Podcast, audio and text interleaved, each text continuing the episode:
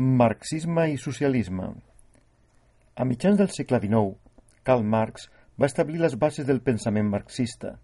En col·laboració amb Friedrich Engels, va denunciar l'explotació de la classe treballadora i va defensar la revolució obrera per destruir el capitalisme.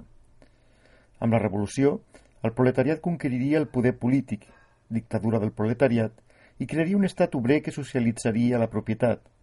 La fi de la propietat privada portaria a la desaparició progressiva de les classes socials i de l'Estat per així poder assolir l'ideal de la societat comunista, és a dir, la societat sense classes.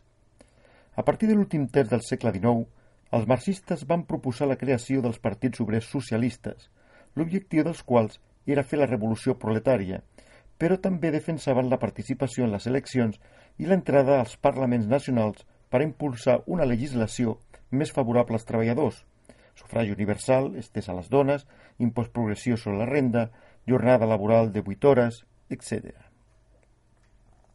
L'anarquisme. L'anarquisme va reunir un conjunt de pensadors, Proudhon, Bakunin, Kropotkin, que compartien tres principis. Primer, la exaltació de la llibertat individual i de la solidaritat social.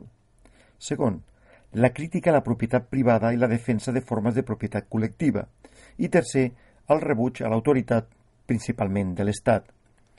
També defensaven l'acció revolucionària dels obrers i dels pagesos, mitjançant una vaga general que arruïnés la burgesia i destruís l'Estat, i la creació d'una nova societat col·lectivista i igualitària.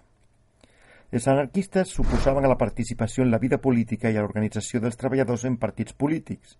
Un sector defensava l'acció directa i violenta contra els pilars del capitalisme, la burgesia, l'exèrcit, l'Estat i l'Església. Un altre sector patrocinava la creació de sindicats de caràcter revolucionari. És l'anomenat anarcosindicalisme, amb la finalitat de millorar les condicions dels obrers i impulsar la revolució social.